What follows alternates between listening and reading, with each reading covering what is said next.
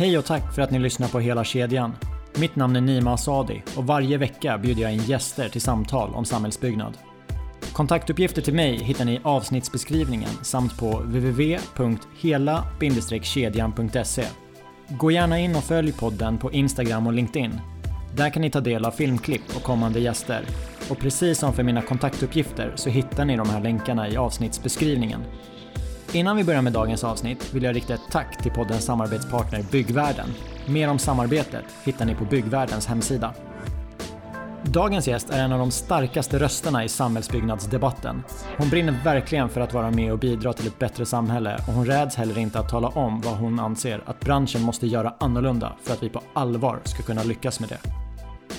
Vi pratar om bakgrunden till att hon började engagera sig i debatten, hennes drivkrafter, vilka processer vi borde ändra på, vad som egentligen menas med god arkitektur och mycket mer. Det blev ett riktigt intressant samtal som jag verkligen hoppas att ni kommer tycka om att lyssna på. Låt mig presentera Emma Jonsteg.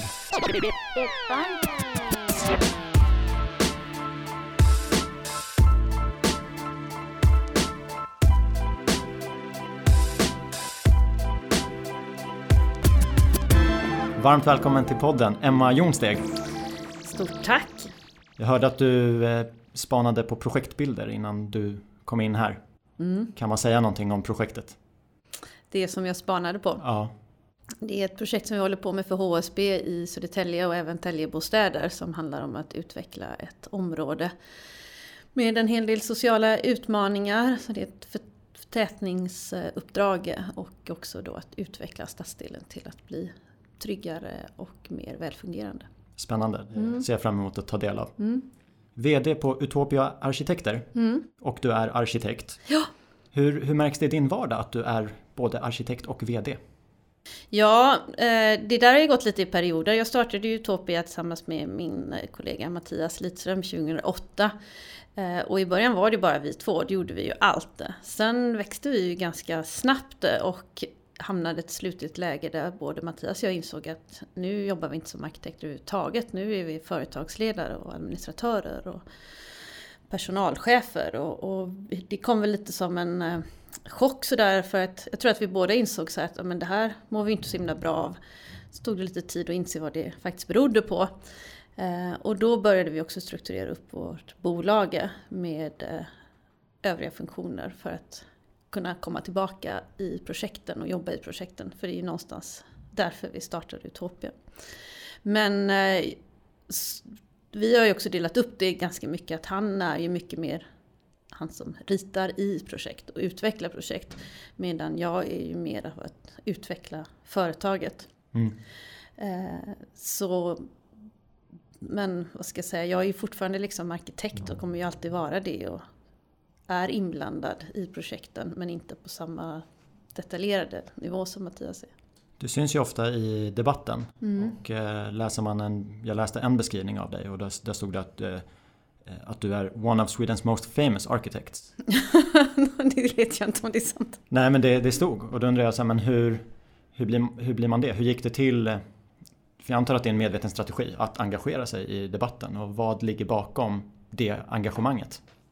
Eh, det är ju ingen medveten eh, strategi att bli en känd eh, person. Däremot så är det ju har jag ju alltid varit väldigt eh, liksom, eh, engagerad i samhällsfrågor och har alltid liksom sett min kreativitet och kompetens som arkitekt eh, kopplat till att jag vill använda den till att skapa förutsättningar för ett bättre samhälle. Mm.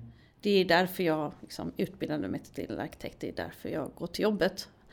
Eh, och vad, exakt var det kommer ifrån, det är ju alltid svårt att sätta fingret på. Det är ju, men så länge jag kan minnas har jag alltid varit väldigt fascinerad av eh, vad rum då, eller platser gör med människor och hur det påverkar oss på olika sätt. Och hur lyckad och god arkitektur kan skapa så mycket större värden för en plats och bidra med upplevelser, välbefinnande jämfört med vad faktiskt låg kvalitet, hur mycket skada det faktiskt gör både för människan och samhällsekonomiskt då såklart på sikt. Mm.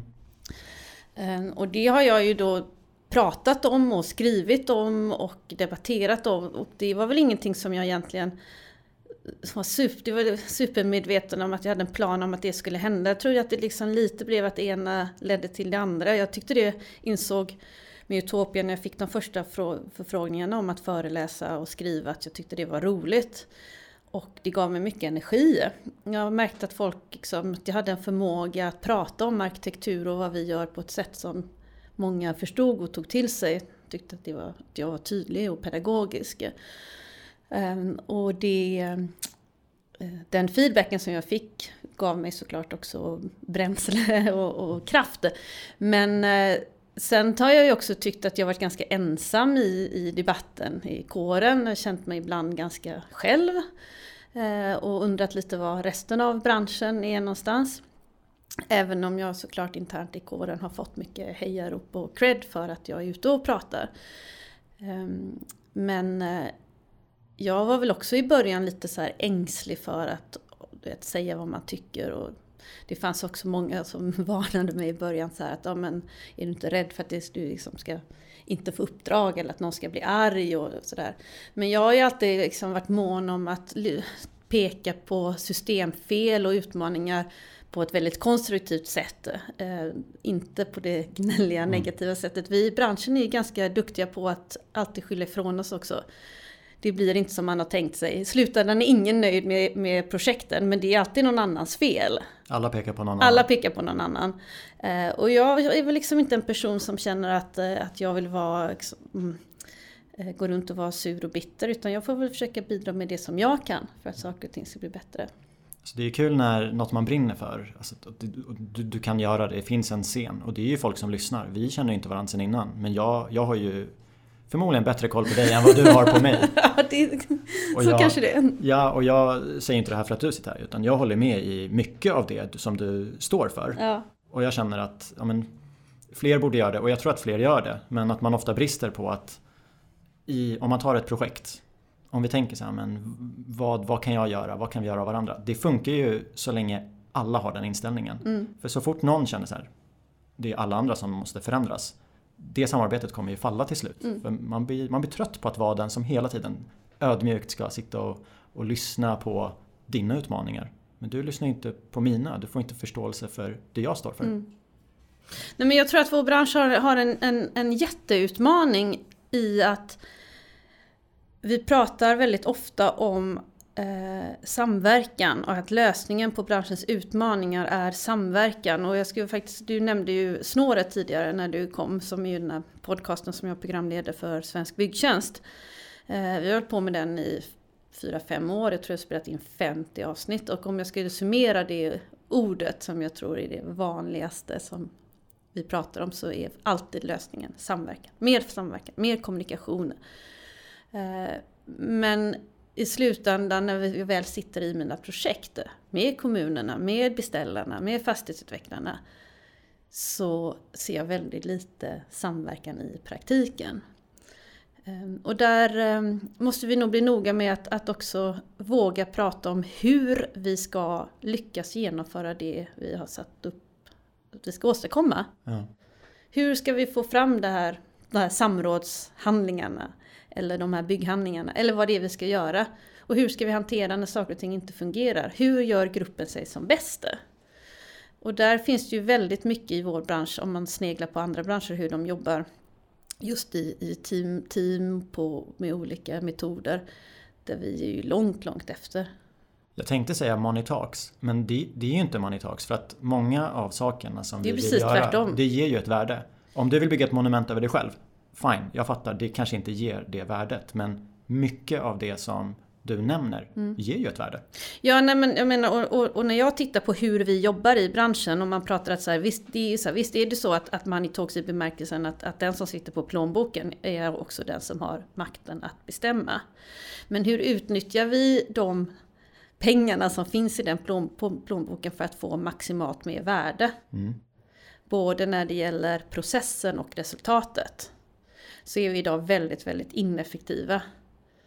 I, eh, säkert berättat det i något annat sammanhang, men i ett av de här snåret-avsnitten som vi spelade in så var det, berättade Lars Albinsson om att han hade gjort en eh, undersökning för VVS-förbundet, något Mm. sånt där. Nu ska jag Mm. inte säga, jag kan ha fel med, men han hade i alla fall konstaterat att den effektiva tiden som en, en VVS Eh, konsult på ett bygge lägger på att faktiskt utföra sin, sin professionella yrkeskunskap var, jag tror det var kanske två timmar per dag. Resten av tiden så ägnar sig den här personen åt att leta, vänta på leveranser, åtgärda fel eller leta efter leveranser på bygget. Och då, det är ju verkligen inte värdeskapande. Eh, och då så slog det mig att jag började titta på mitt eget kontor, hur mycket av den tiden som vi lägger, som vi får betalt för från våra kunder, är på riktigt värdeskapande. Och hur mycket är saker som sen ändå görs om. Mm. Eller aldrig blir av, aldrig förverkligas. Eh, och där har ju branschen verkligen ett jobb att göra. Vi gör, måste göra saker i rätt ordning för att kunna lägga mer energi, eller för att kunna jobba effektivt. Eh, och framförallt också att kunna lägga mer pengar då på god arkitektur. Snarare Precis. än att lägga det på att rita om ett hus 20 gånger. Lars gästade ju den här podden och, och Ja. nämnde det exemplet. Mm. Och då, då sa jag till honom att ja, men jag har ju tagit del av sådana undersökningar Ja. under mina åtta år i bygg. Och ofta har ju de mötts av en skepsis. Liksom. Vem, vem har de klockat? Det, är- det där är inte snittet. Så jag började göra sådana undersökningar själv. Och jag är ju inte en tidsman så jag gick ju inte med på dem. Nej. Men vissa saker, det rapporteras varje månad. Ja. Och då såg jag så här, men bara de här sakerna är ju 50%. ja, Och då har inte jag räknat in fel som du har gjort själv. nej, Om du har pratat i din mobil, om Nej. du har letat efter material. Det har inte jag ens dragit av. Eh, och då är det så här, men hur lyfter man fram det utan att någon känner sig Mm. utpekad? Det blir ju lätt så. Mm. Ja men du då? Mm. Och det är det lite vi måste bort ifrån. Mm. Eh, Nej, men uppenbarligen så finns det ju pengar att lägga på omprojektering, på att åtgärda fel på bygget. Så. Eh, och då skulle man ju önska att, att vi istället la de pengarna på bättre produkter och bättre samarbeten. Precis, och om jag tar från min bostadserfarenhet så projekteringen Ja, en bygghandlingsprojekt, en detaljprojektering står Mm. för kanske 4% av totala entreprenadsumman. Mm. Det är inte särskilt mycket men någonstans är de 4% så mycket mer värda Mm. än 10% bortkastat i produktionsskedet. Och det är det vi måste bort ifrån. Mm. Och det är visualisering. Du har rätt. Jag är med dig. Då är vi två, Ja. minst. Du nämnde att du, ja, men du ville förändra samhället till det bättre. Ja. Det var det som fick dig att, att söka till, eh, till att bli arkitekt. Mm. Hur ofta får du vara med och göra det i ditt jobb? Du, du nämnde nu att det är inte alla som förstår.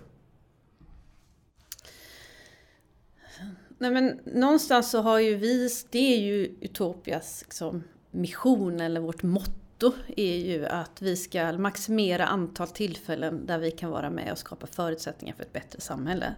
Så i varje projekt som kommer in så vinnlägger ju vi oss om att hela tiden utveckla både produkten och processen.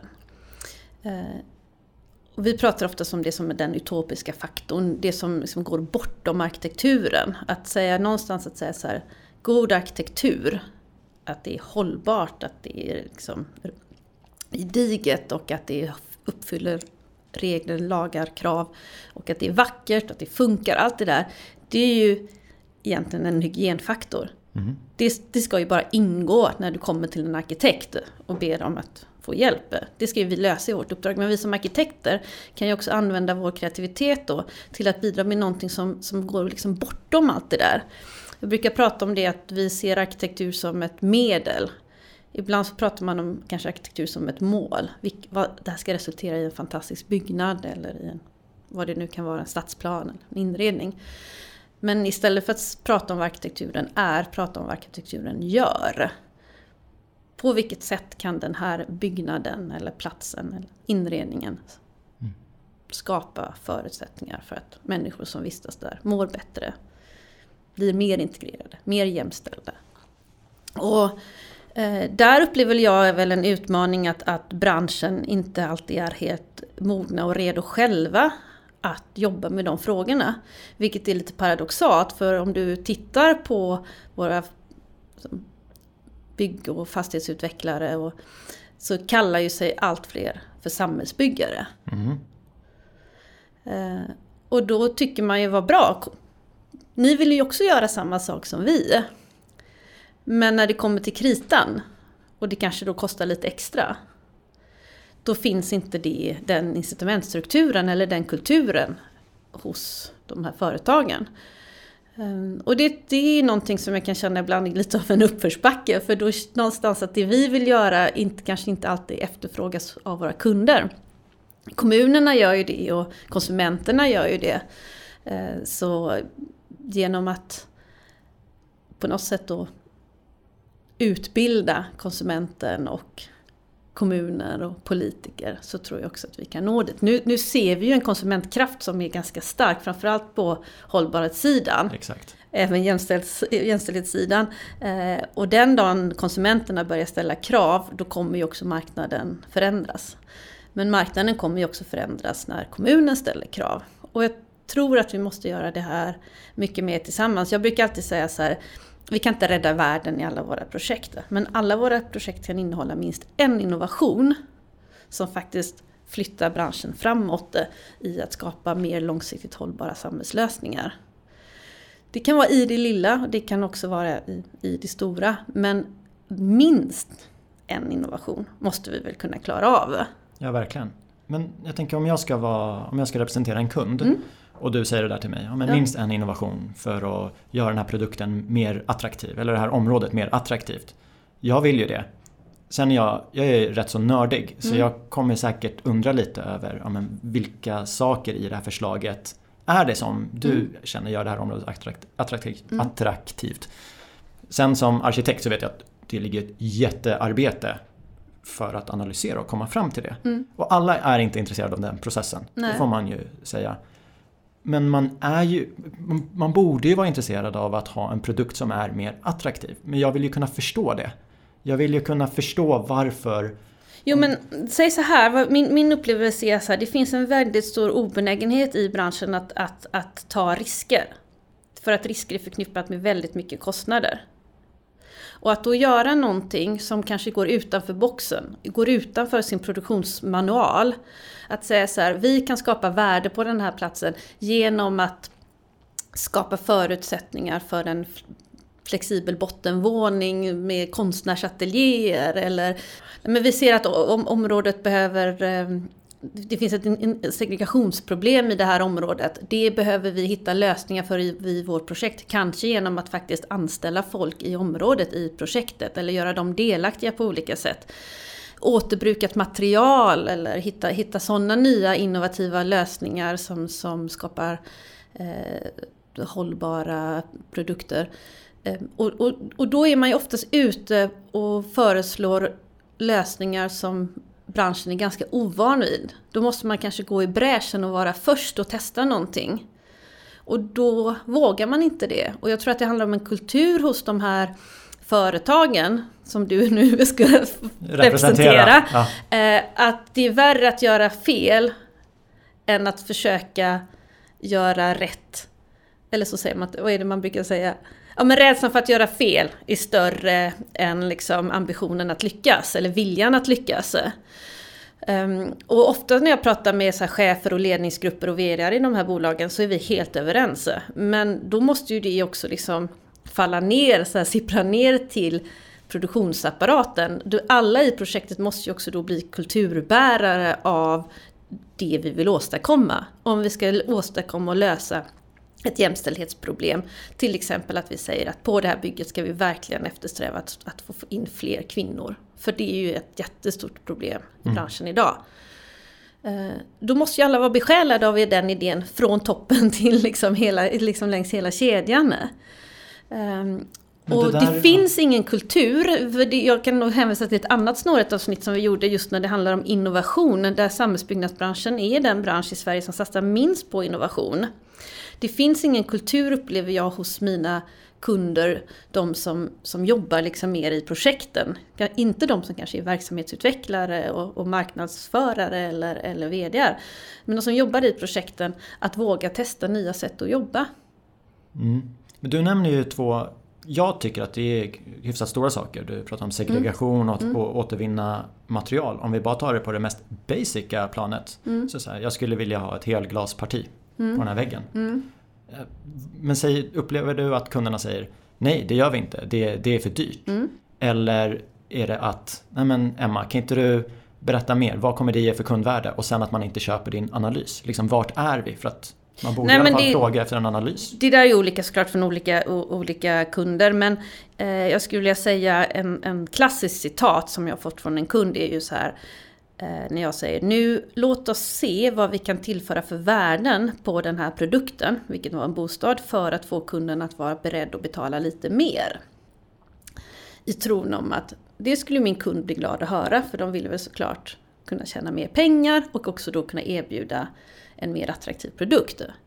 Men svaret jag får då är ju så här, nej så tänker inte vi. Vi tänker hur mycket kan vi plocka bort från den här produkten utan att behöva sänka priset. Okej. Det vill säga branschen är ju mycket mer fokuserad på att kostnadsminimera snarare än att intäktseffektivisera eller intäktsöka. Man kollar ner istället för att kolla upp. Ja. Skulle man kunna säga. Mm. Nu var det jag som sa det.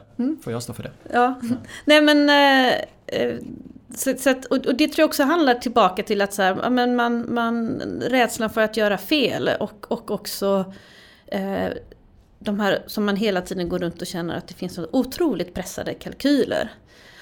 Men där driver jag ju tesen att ja, men, öppna upp de där kalkylerna så vi som arkitekter kan hjälpa er att också göra rätt prioriteringar. Så att vi inte hamnar i det läget som är liksom klassiskt, att vi får ett uppdrag och så ritar vi och sen kommer vi fram till att så här, nej men det var visst för dyrt. Och då kommer någon tillbaka till oss och säger så här, ta bort, ta bort, ta bort, ta bort det. Precis. Och så säger vi, men då faller ju hela den här idén som vi har gemensamt kommit överens om och som vi också gemensamt kanske har lovat kommunen och, och varit ute och visat bilder på. Eh, Och de jag ska raljera lite, så, så då får vi höra, men ni arkitekter, ni förstår ju inte på det här med ekonomi. Ja. Det har jag hört många gånger under mina Och år. då så säger jag så här, nej men det kanske också är så att hur ska vi kunna förstå det om vi aldrig får veta vad saker och ting får kosta från början?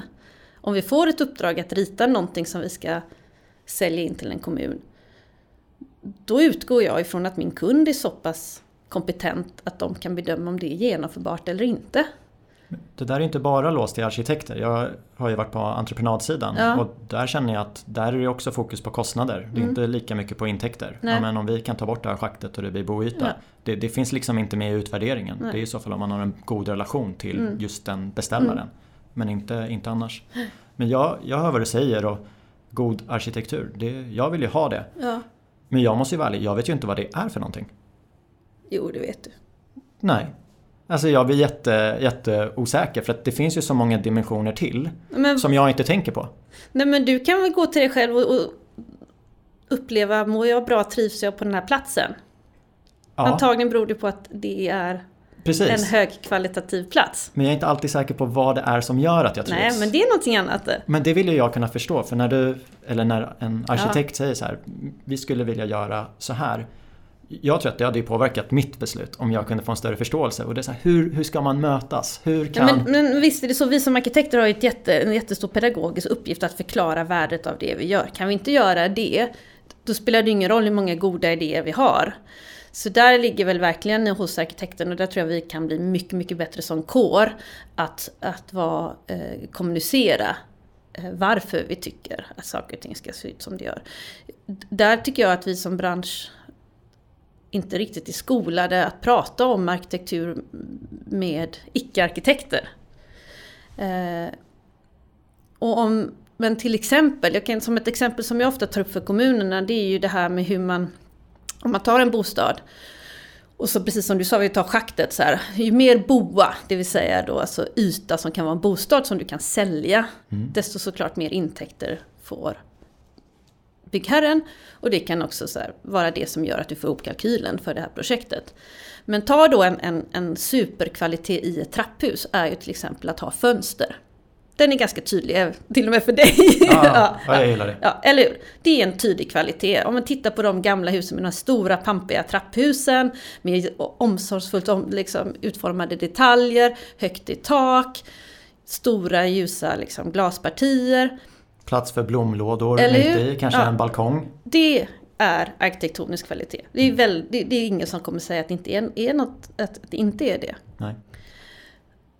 Men som beställare då, då ska du göra den avvägningen. Är din kund beredd att betala för den kostnaden? För den kommer ju inte hamna på din... Den måste ju du stå för när du köper din bostad. Precis. Eh, och så gör man väl uppenbarligen då bedömningen att nej det är man inte. Och därför så kan jag, eller så kanske man gör bedömningen, nu vet inte jag hur byggarna tänker sig, eller så kan jag göra en högre vinst mm. genom att skapa en bostadsyta där istället för att ha ett fönster. Och vem faller det tillbaka på då? Jag som arkitekt, jag kan argumentera för det värdet för de som bor där. De som bor där har inte ens köpt eller sett den här lägenheten. När de tittar på det här så kanske de inte ens själva kan se eller förstå om det finns fönster eller inte i det här trapphuset. Eh, är det kommunen då som ska ställa de kraven? Ska kommunen gå in och peta i hur det ska se ut inne i trapphuset? Var, var ligger det ansvaret någonstans? Liksom? Vems ansvar är det att säkerställa ett ljust trapphus? Om vi nu tar det som ett exempel. Ja, jag har ett förslag och jag, där vad jag brukar när jag pratar med kommunen om det här så handlar det ju väldigt mycket om hur man prissätter sin mark också. Om, vi nu, om det här är ett, vi säger att det är ett, ett bostadsrättsprojekt.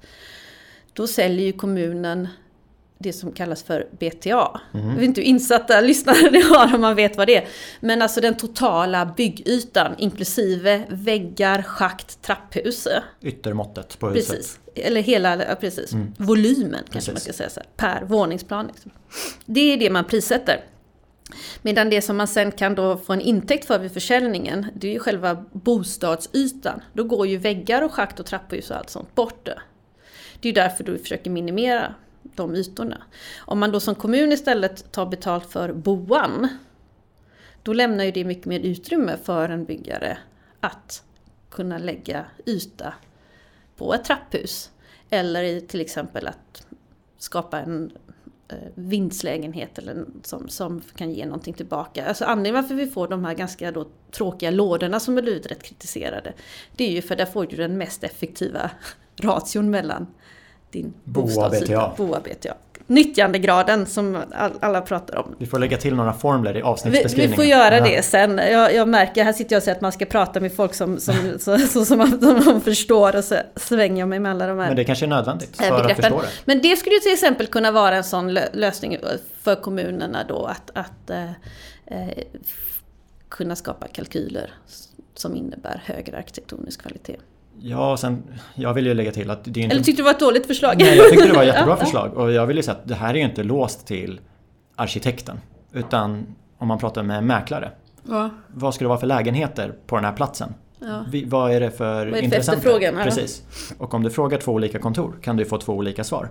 Mm. Och då kan man ju, om man vill göra det lätt för sig, säga så här. De här gissar ju bara, de har ju ingen aning. Mm. Eller så finns det ett arbete bakom som man kan sätta sig in i och ja, men vilken, vilken tror vi på mest? Och det är samma om man pratar med två arkitekter. Mm. kan ha två helt olika förslag för samma plats, mm. samma faktorer. Mm. Vad säger man då? Nej men det här är hittepå. Det är klart att man kan göra det om man inte är intresserad. Mm. Eller så måste vi ju hitta någon, någon, något form av samarbete där vi förstår varandra. Mm. Ja, men vi behöver ju varandra och det är så lätt tycker jag man hamnar tillbaka i det där liksom att så här, nu raljerar jag lite både på mina kunder och, och, och, och kommunerna. Eh, eh, men ändå med glimten i ögat. Men vi alla vi måste ju göra det här ihop.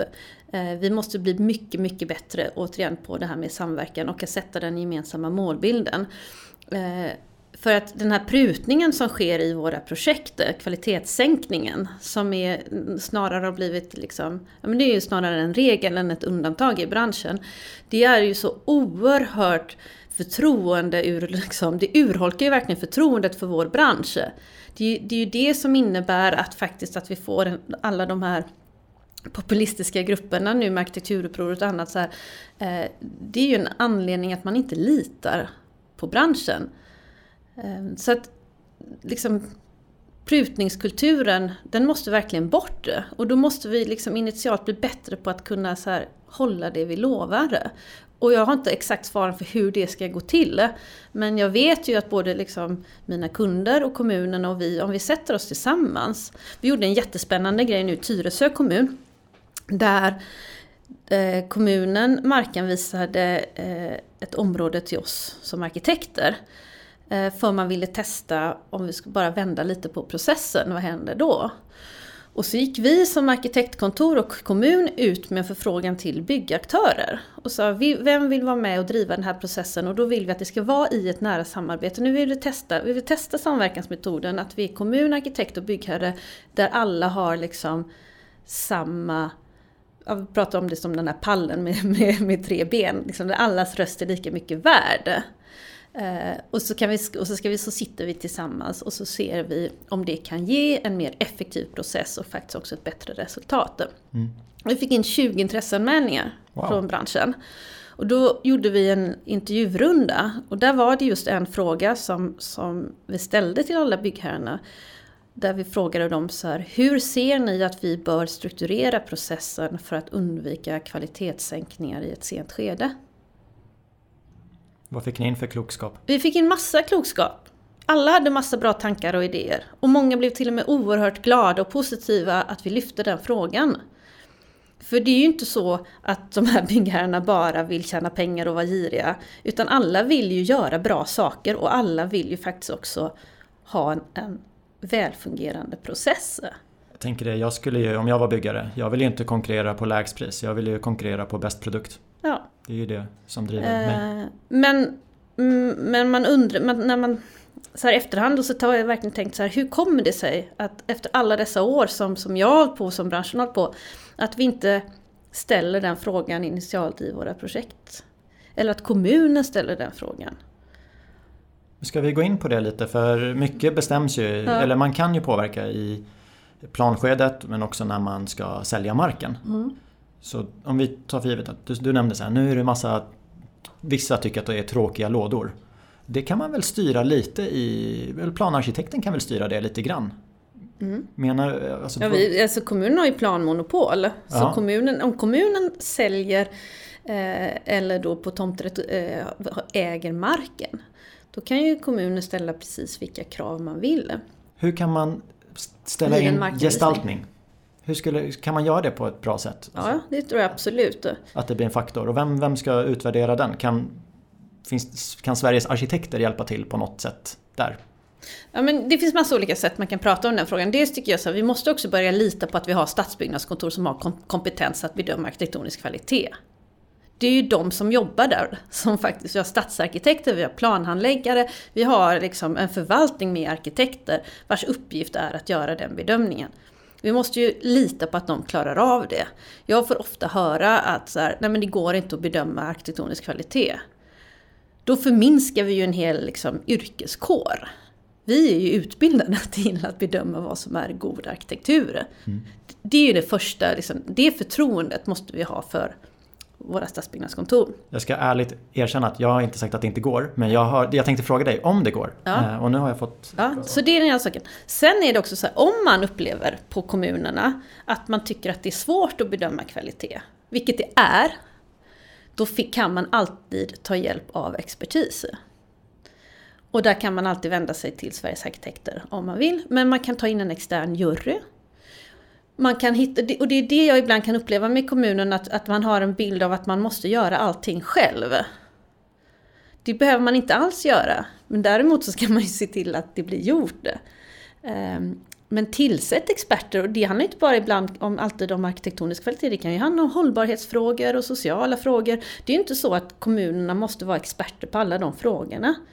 Men där, och där tycker jag att kommunerna borde använda sig mer av advisory boards eller jurys mm. eller sådär. Eh, det finns massa spännande exempel. I Upplands Väsby så gjorde man ju, har man ju gjort ett projekt nu eh, där jag var med i juryn där man uppgav till byggherren och deras arkitekter att man, skulle, man fick poäng för ett visst antal kriterier. Och ju högre poäng man fick, ju lägre markpris fick man. Häftigt. Mm, så kan man också göra, ja. eller hur? Ehm, så, så det går, det går att, att bedöma eh, kvalitet och det handlar väldigt mycket tror jag återigen faktiskt om, om kommunerna att se sig som eh, platsutvecklare snarare än en mark, ex, vad heter de nu? exploateringsingenjör eller en planhandläggare. Att kommunen ser det på sitt, det är sin roll och det är deras ansvar att värna allmänintresset. Att se mm. till att skapa hållsiktigt långbara miljöer. Jag tänker om man ska sälja mark, mm. ja men det är klart. pris. Det, det är naturligt, det kan vi utvärdera på. Se Mm. vad folk är villiga att betala. Sen var vi inne på gestaltning, det skulle kunna vara en faktor. Du Absolut. nämnde hållbarhet, du vet inte om du tänker på materialval eller? Ja, det kan ju vara social hållbarhet, ekologisk, ekonomisk hållbarhet. Alltså, kommunen kan ju ställa upp liksom vilka kriterier som de tycker passar för den här platsen. Ibland kanske det handlar om att här behöver vi hitta lägre hyror. Kan vi, kan vi gå ut med en markanvisningsspec som säger som, som, där vi ställer krav på hyresnivåer? Mm. Ibland kanske det handlar om arkitektonisk kvalitet, ibland handlar det om... Så här, bara de där kriterierna är tydliga och lika för alla så blir, blir det ju helt transparent och då blir också markpriset anpassat därefter.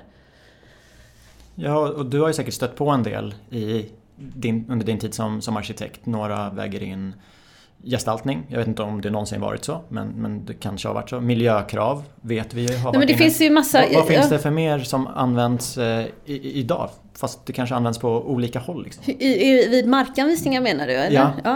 Eh, nej men jag skulle säga det absolut vanligaste det är ju att gå på pris. Högstbjudande får köpa marken eller får en option på marken då som en markanvisning är. Eh, sen finns det, massa, finns det ju alla möjliga varianter däremellan. Det som jag tycker är den absolut bästa varianten det är ju när kommunen sätter priset för marken själv. Det vill säga att det, de, de, det är ett fast markpris.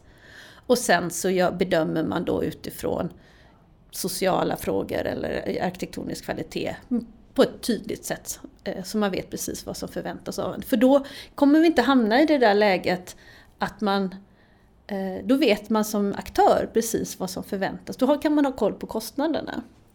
Eh, och man kan också tävla på just kvalitet. Så det tycker jag att, att kommunerna borde göra mer av. Ja. Jag tänker så här, god arkitektur. Vi, det känns som att vi pratat om att oh, men det, det går att få en intäkt på det. Det är inte nödvändigtvis så att det kostar mer. Nej, inte, inte så här, jag skulle vilja formulera det på det här sättet. Det går alltid att få mer arkitektur, ut mer arkitektur för samma peng. Mm. Eh, Men jag skulle också vilja, jag känner också att jag börjar bli lite, lite trött på att, att det här mantrat att god arkitektur inte måste kosta. Jag skulle säga så här, ja, kvalitet kostar mer initialt. Det är dyrare idag att bygga en platsmurad tegelvägg än en vägg med betongelement. Det Ja. kostar mer. Men då måste man ju också titta på så här, okej, men vad är värdet som det genererar? Kanske för dig som byggherre som sen säljer detta. Kanske det kostar mer. Men för samhället, att ha en byggnad som åldras vacker, som bidrar, som står längre eh, och som faktiskt är vacker och uppskattas av människor som rör sig i området.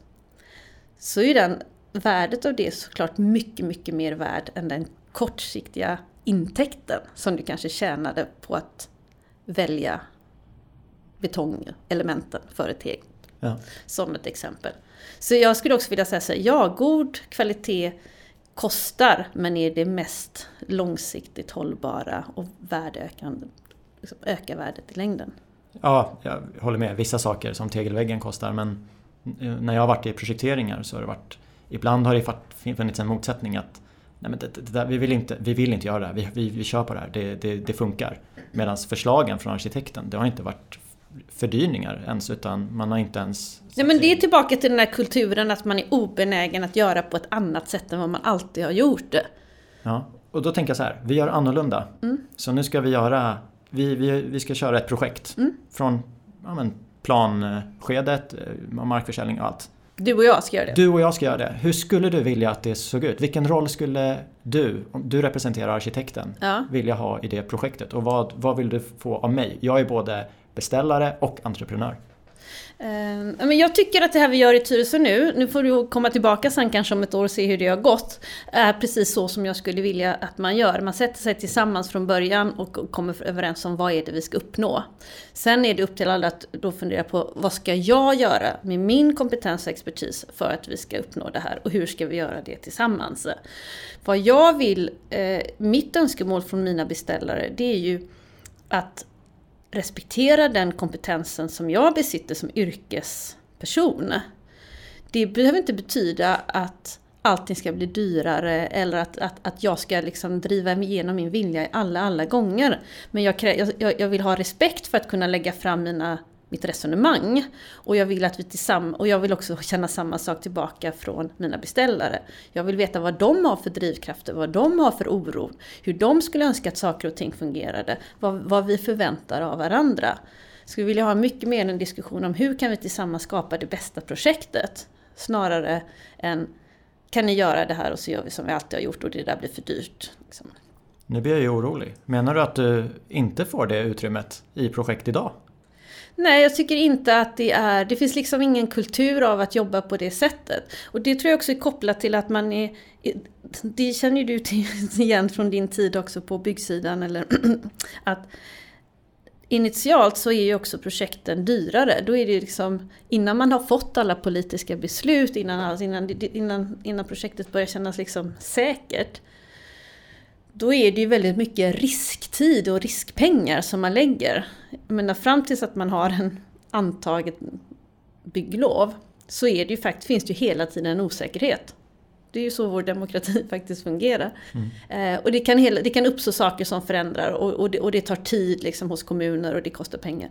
Så därför kan jag också förstå att man då som, som byggherre kanske vill, inte vill lägga så mycket tid. Man vill inte lova någonting. Det är ju en sån sak som du säkert också känner igen. Nej men rita inte så mycket, så vi, vi ska inte lova så mycket. Och jag förstår det. Men då handlar det ju om, då har vi ju liksom någon sorts systemfel som vi måste liksom gå, i, gå i mål med. Då måste vi prata med kommunen. Hur, hur kan vi garantera kvalitet utan att lägga för mycket tid och kraft initialt? Kan vi hitta sätt att, att känna oss trygga med politisk förankring tidigt? Så att vi inte behöver vara oroliga för att efter ett val så kommer projektet drivas upp eller läggas ner. Eller kan vi till och med, kan, skulle vi kunna driva detaljplan och bygglov parallellt? Kanske till och med. Så här kan vi ta in Länsstyrelsen tidigt och ha en dialog med dem? Alltså, någonstans så skulle jag vilja att vi är mycket bättre tidigt att identifiera alla hinder. För det här är ju liksom en, en snitslig bana att ta sig igenom de här byggprojekten. Det finns enorma utmaningar och hinder på vägen. Det är mycket som kan gå fel som ligger oftast väldigt också utanför vår egen kontroll. Men kan vi få till det med en god kommunikation? Jag tänker i andra länder så ser ju arkitektrollen lite annorlunda ut. Mm. Jag kommer från, mina föräldrar kommer från Iran. Mm. Där har ju arkitekten en mycket större roll i projekten mm. och också Tar en större risk. Större risk ja. Men så är det ju. Kan Nej, vi men... se sådana affärsmodeller? Det, jag, jag har ingen koll på, på hur, hur det ser ut, vad det ser för trend. Men kommer det mer och mer att man vill, ja men Utopia, låt oss göra det här tillsammans. Mm. Ni tar en corner i det här projektet. Jo men med, med ett större ansvar så innebär det såklart också att man får vara beredd och också ta en st större risk. Eh, och jag, jag, är inte helt säker på att, att arkitekten ska liksom Ja, men det är ju att göra det alldeles för enkelt att säga så men om bara arkitekten fick liksom fler markanvisningar eller så att arkitekten skulle börja liksom bli några egna, utveckla egna projekt. Det kommer inte vara lösningen, utan lösningen kommer ju vara om vi kan hitta sätt att samverka och göra det tillsammans. Eh, jag tror att det skulle vara en jättepoäng att arkitekten liksom, arkitektrollen flyttades fram mer i någon sorts kedja, att snarare än att vara en konsult i mängden i baksätet, faktiskt sitta i framsätet och driva projekten med sina beställare. Men som bransch är vi inte där riktigt och det handlar ju om att vi inte har gjort det. Vi har inte den kompetensen och erfarenheten idag. Men om man som beställare också bjuder in arkitekten och arkitekten är beredd att ta det ansvaret, då tror jag vi kommer kunna se en förändrad roll. För arkitekten kan verkligen bidra med otroligt mycket mer i sina projekt än vad man gör idag. Man kan verkligen vara ett stöd och man kan verkligen också vara, ofta ser man ju den kompetensen i projekt som har suttit med längst. Planhandläggare och som kommer och går lite på byggherresidan så går projekten igenom olika faser. Ofta är det ju faktiskt arkitekten som är den som kan projektet bäst och har varit med längst. Och det är ju en enorm fördel med all den kunskapen som arkitekten besitter. Vad ser du för trend då? Utopia bildades ju 2008 och då i samband med det började du engagera dig i debatten. Mm. Hur skulle du jämföra mottagandet för det du säger idag jämfört med för tio år sedan? Vad, hur har det förändrats? Det har förändrats så tillvida att nu är det fler röster i branschen. Eh, många fler som eh, pratar om, om frågorna och det har också blivit en större medvetenhet hos kommunerna, alltså politiken, medborgarna. Så om man pratar hållbarhet så var ju inte det alls på tapeten på samma sätt tidigare. Arkitektonisk kvalitet som jag började driva tidigt och hur vi kan åstadkomma högre kvalitet i våra projekt, vad vi bör göra, var ju inte heller en fråga som fanns på kartan för tio år sedan. Ehm, och nu har ju, alltså, att man nu börjar prata om att vi måste bygga vackert, alltså ordet skönhet var ju verkligen liksom en, en eh, det var ju knappt att man vågade det var verkligen en beröringsskräck att prata om estetik och skönhet. Både i liksom, allmänheten men också i branschen. Men det är utanför komfortzonen för väldigt många att prata om saker man inte kan 100%. Men så är det säkert och det har också varit så lite eh, jag tror i branschen så har det varit väldigt mycket så här, nej men skönhet ligger i betraktarens öga. Och jag tycker att det har varit olyckligt för att, att prata om kvalitet och estetik när det gäller arkitektur. Där måste vi som kår våga stå för vår yrkeskompetens, att vi kan bedöma god kvalitet. Ehm, och där tycker jag att det har hänt mycket och det är jag, jag är övertygad om att vi på Utopia har varit en, en del av att driva fram den debatten och diskussionen och det är jag väldigt, väldigt stolt över. Mm. Så du, du är inte själv längre. Du, när du började för tio år sedan, då sa du att det var lite, det var ingen som vågade säga någonting. Eh, då, då, vet vi det, det har förändrats. Du var ju också rädd för att, vad det kunde innebära för affärerna. Tappa Nej, jag blev varnad för det i början när jag skulle, jag minns en av mina första debattartiklar som jag skrev, den kritiserade den dåvarande markanvisningspolicyn som fanns i Stockholms stad. Som jag inte tyckte eh, liksom, fungerade eller, eller genererade kvalitet. Det var väldigt mycket fokus på högsta pris. Um, och då var jag ute och riktade den till eh, exploaterings, exploateringskontoret i, i, Stockholm. Och då var det många som sa, ska du verkligen göra det? Mm. Eh, men så fick jag faktiskt eh, pepp från, från en gammal räv i branschen, en, en kund som sa till mig att han sa, han sa han var så här, men kör Emma, så här, vad är det värsta som kan hända? Jo, det kanske är att någon blir sur eller så. Här. Men vet du vad, det går över. Ja, mm. Engagemanget lyser Nej, men och där, precis, och där känner jag också så här att återigen, Eh, så jag har aldrig upplevt att, att det har varit en, en eh, någonting som varit negativt för Utopias affär. Att vi har varit en röst i branschen. Jag skulle verkligen säga att det har varit precis tvärtom. Mm. Men jag tror att, eh, alltså jag uppskattar ju proffsigheten. Folk får jättegärna peka på mig. Mm. Jag vet, jag kan göra jättemånga saker bättre som jag vet om. Och det finns säkert saker jag inte vet om. Men det är ju, jag vill ju inte höra den där jäkla entreprenören. Utan jag vill ju höra hur jag kan bli bättre. Inte så här, nej men Nima, han ser, han ser inte värdet vi, vi skapar. Ja, men hjälp, hjälp mig förstå det. Sen kanske jag är... Feedback! Ja, precis. Jag tror att det är sjukt viktigt. Ja. Och det landar alltid så här när man pratar eh, samverkan. Mm. Ja, men det måste vara en god kommunikation. Ja, det är, väl, det är väl självklart. Vi har ju ganska bra hjälpmedel för det idag. Mm. Med statistik och datorer. Ja, verkligen. det har vi haft i några år. Jag har ju hört att ni har en metod som ni kallar Utopia-metoden. Mm. Kan du inte berätta om den? Vad är det för något? Ja, det ska inte jag på något sätt säga att den är unik på något sätt. Men vi eh, insåg liksom ganska tidigt, eller, eller så här ska jag säga, när, när jag började som arkitekt så, så blev jag så förvånad att, att man som beställare liksom kom till arkitekten och så sa man så här, kan ni rita någonting? Och så frågade man sig, men vad, liksom, vad vill du ha? Så här, men så här, lite bostäder. Okej, okay, men du vet, ge mig lite till för vem och hur ska det se ut och så. Ja, men bara liksom rita något. Eh, att man var väldigt snabb på både som från, på beställarsidan men även i, i, på arkitekten att gå direkt på en lösning. Och så ritar man så här, ja, men, ta, ta ett exempel, någon kommer säger så här, här skulle vi vilja bygga bostäder på den här marken, kan ni rita något? Och så ja, gjorde man det och så tittade jag på det som, som någon hade ritat och så sa men varför ser det ut så här? Jo men det funkar bra med fyrspännare och garage och så kan sopbilen vända och så är det tillgängligt så här. Ja det funkar, men varför ser det ut som det gör? Och för vem är det vi bygger detta? Och på vilket sätt skapar det ett värde för platsen? På vilket sätt gör det de här byggnaderna platsen bättre? Och det var då som den här Utopia-metoden uppstod, för då sa vi så här, men först måste vi ju veta vad vi ska göra. Vi måste ju ställa rätta frågor, vi måste göra den här ordentliga analysen av platsen, vi måste förstå vad vi har för förutsättningar, vem är det vi behöver övertyga, varför är den här platsen ens bra att bygga på? Eh, det vill säga så här, vi måste börja med att förstå uppgiften mm. innan vi hittar lösningen. Och att förstå uppgiften tar, måste vi lägga ganska mycket tid på. För om vi inte förstår uppgiften rätt, då blir det ju att bara vi sitter, sitter vi bara gissar. Och då finns det ju ganska liksom, noll chans att vi landar rätt. Då måste jag ju veta vad jag vill ha också. Och då måste du som beställare veta vad du vill ha. Och vet inte du vad du vill ha, då hjälper vi dig mm. att komma fram till det. Och då lägger vi tid på det. Så Utopia-metoden eh, handlar om att först så måste vi tänka och planera och fundera och analysera och veta vad vi ska göra. Och sen, när vi vet vad vi ska göra, då hittar vi en lösning. Först vad, sen hur. Och varje gång jag pratar med, när jag berättar för kunder och andra att, det är så vi jobbar så blir ju alla, det är ju lite fascinerande att många får en sån aha-upplevelse, bara, men det har ni ju rätt i. Ja. Och är det verkligen så? Är vi så dåliga på att beställa arkitektur?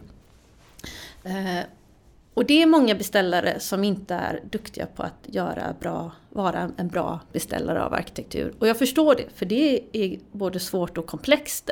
Och vi är väl inte heller alltid den kår som är de bästa på att prata för oss eller förklara vad det är vi gör. Eh, men då tycker jag det är helt okej okay att säga så här, jag vet inte exakt vad jag vill ha så jag behöver hjälp med det. Hjälp oss hitta den bästa lösningen för den här platsen. Men säg inte så här, rita något. För vi kanske inte ens ska rita. Vi kanske ska tänka och skriva och analysera. Jag, tycker det låter sunt och eh, det är väl helt i tiden också. Jag tror att fler och fler blir intresserade, mer, mer intresserade av vad är det vi tar fram och det ska ja. stå i hundra år.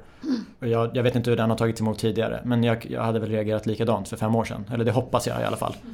Ehm, sen handlar det ju om efterlevnad. Mm. Att fortsätta det samarbetet och det är då jobbet börjar. För att, ja. att jag säger att jag är på det där, det är ju det lätta i det här. Sen ska vi samarbeta med allt vad det innebär. Mm. Ehm, jag skulle vilja tacka dig för att jag fick komma hit till Utopia på Birger i Stockholm. Det har varit jättespännande. Du var en av de första gästerna jag blev tipsad om att bjuda in. Och då kändes det väldigt långt bort. Så jag är jätteglad över att, du, över att du ställde upp. Och jag ser fram emot att följa dig. Jag hoppas att det kommer mer, mer eh, inlägg från dig i debatten. Mer utopiska inlägg. Precis. Ja, ja men tusen tack, det var jätteroligt. Eh, så får vi stämma av, vad sa du, om ett år? Då vet vi hur det gått i Tyresö-projektet. Precis, eller ett halvår. Ja, ja. bra. Vi, vi bokar in något. Ja, jag är kvar. Tack så mycket. Då checkar vi ut från Birger Hej då! Hej hej!